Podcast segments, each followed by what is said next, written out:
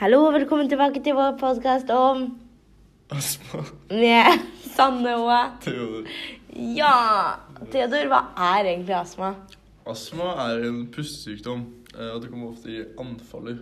Og det kommer av at musklene i luftrøret snører seg sammen, eller at du får en hevelse i slimhinnene, og at det da blir opphopning av slim, som gjør det særlig vanskelig å puste ut. Ja, og det, det er jo fordi at det lager en stopping eller en obstruksjon, da, som betyr en hindring.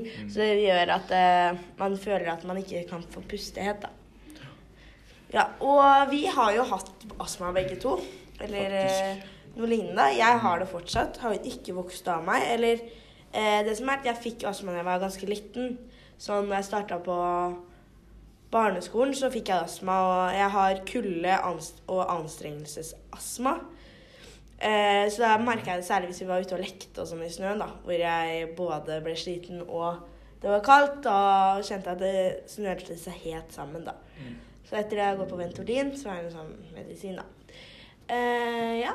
Og så trodde vi at jeg vokste av meg sånn tidlig i ungdomsskolen, men det viste seg at jeg ikke hadde gjort det. Så here I am. Og du da, Theodor? Eh, jeg hadde en annen type astma, for jeg hadde en astma som virkelig strammet inn luftrøret, så jeg fikk faktisk ikke puste i det hele tatt, og det kom veldig brått. Eh, så det, det som hjalp meg, for jeg hadde ikke påvist astma, men eh, vi var til legen, og de sa at det var en astma-lignende sykdom, en pustesykdom. Eh, men det som funka for meg, var bare å gå ut i kald luft. Det var det som faktisk funka, fordi da slappet liksom, musklene i luftrøret litt mer av, fordi de ble nedkjølt, så da fikk jeg puste igjen. da. Yes. Ja. Ja, for det er jo veldig mange forskjellige typer astma, da. Og dette fører også videre til at det er mange forskjellige årsaker. Mm. Eh, det er jo ikke alle årsaker vi vet om, men noen kan jo være f.eks. Eh, aktiv røyking er jo veldig stor Ja. eh, årsak, da. Eh, men også passiv røyking. Mm. Eh, hvis du er i et miljø med mye forurensning. Mm. Eh, ja. Det er jo mye forskjellig annet òg. Sånn allergier har veldig stor påvirkning på astma. Noen får det bare også generelt av virusinfeksjoner. Ja. Og så er det jo selvfølgelig mange som får det av arv, og disse er knyttet til arv, ifølge forskning. Ja. Og så i tillegg da, så er det jo veldig mange som har astma. Eh, har jo vært mye eh, Det har jo vært en av de årsakene. Eksempel så har jeg pussa inn veldig mye kald luft helt siden jeg var liten. Mm. Har vært mye ute, veldig mye Og det viser seg at mine slimhinner er jo overfølsomme, da. Så når de blir eh, påvirka av kulde, så eh, produseres det masse slim. Så sånn som nå på vinteren, så er det ekstra ille. Eh, da er det Det går ikke an å løpe noe mil for meg da, altså. Mm.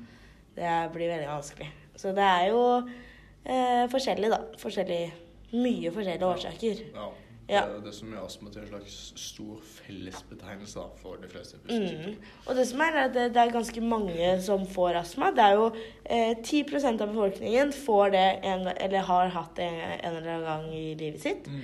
Eh, og det er jo flere gutter enn jenter som får påvist astma, da. Og så er det også størst andel barn, fordi det er de som er mest sårbare for å få sykdommen. Ja. For de har ikke utviklet et godt nok immunforsvar og luftsystem ennå. Ja, men det som er heldig når det er små barn som får det, og de har mild astma, da, Mm. så er det flesteparten av dem eh, vokser da av seg innen puberteten. da. Ja. Så det er jo i hvert fall bra. Jeg har gjort det. Ja, Theodor har gjort det, jeg har ikke gjort det, så da har vi jo to forskjellige Utfallet utfall der, ja. eh, og hva er det som kommer som Hva er symptomene på astma, Theodor? Ja, Symptomene er jo disse anfallene ved puste, pusteanfall, rett og slett. Ja. Hvor da slim og musklene rundt lufta plutselig samler seg og skaper obstruksjoner, som da gjør at det er vanskelig å puste ut luften. ja. Og det skaper jo da pustevansker, som også kan ha ellers. Det må ikke bare ha anfall, Mm. men eh, ofte pustevansker.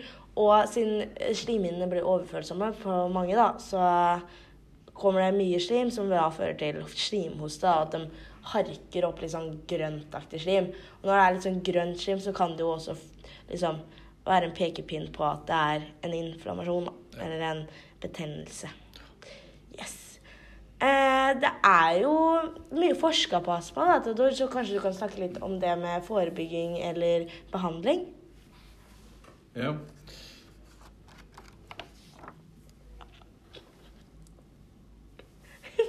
Ja, Theodor, kan ikke du snakke litt om forebygging og behandlinga? Jo da. Eh, men det, er, det er mye forskning som er gjort på astma, men det er ganske vanskelig å si, fordi det er ikke så mye konkrete fakta som liksom har kommet ut av forskningen. Nei. Eh, Det er jo, som vi sa i stad, det er en veldig fellesbetegnelse. da, så Mm. Det er jo mye forskjellig som ligner veldig, da, men som Ja. er litt forskjellig. det er nettopp det. Så, Så er det veldig individuelt hvordan man føler det òg. mm. Så det er veldig vanskelig å vite, for særlig på barn, da, som er den største hovedgruppen målgruppen når det kommer til astma, Ja. om det er mulig å forebygge eller ikke. Fordi mange får det.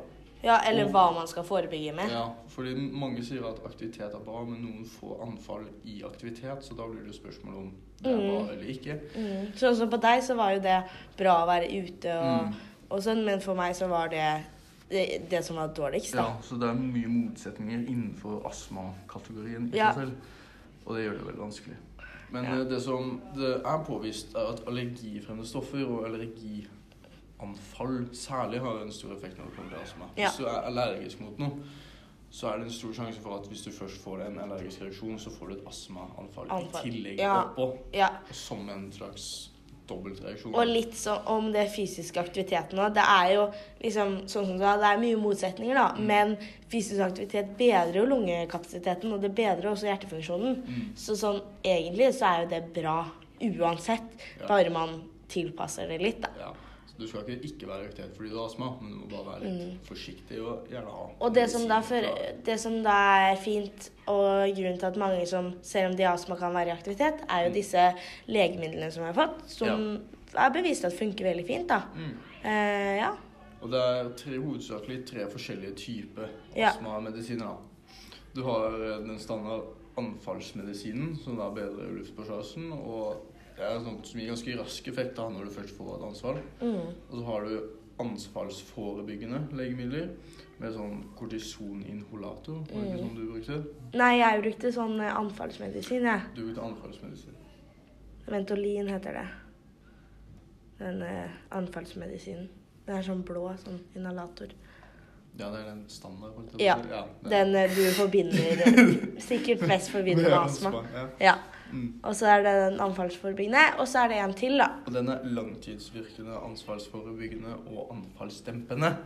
Det er all in one. For sånn. Yes. Ja, det, ja, så det er anfallsmedisin, så er det lang tid, og så er det en som gjør begge to samtidig. Ja. Mm. Men det er jo ut ifra hvor sterk Ja. og alvorlig astma du har, da. Ja. Det er jo for eksempel på den langtidsvirkende, da. Det er, gir man ikke så ofte til barn, fordi det kan eh, ha litt eh, sterke bivirkninger. Mm. Så yes. Men eh, som du sa igjen, så er det jo det her med at det finnes veldig mange forskjellige typer astmer, astmaer, og at det, det er en fellesbetegnelse. Og det kan jo komme litt ut av det at det, det er vanskelig å gi diagnosen, eller vite sikkert at det er den diagnosen barnet har, da. Særlig når det kommer til barn, så er det vanskelig å finne ut da, Ja. om eh, det er astma som det gjelder.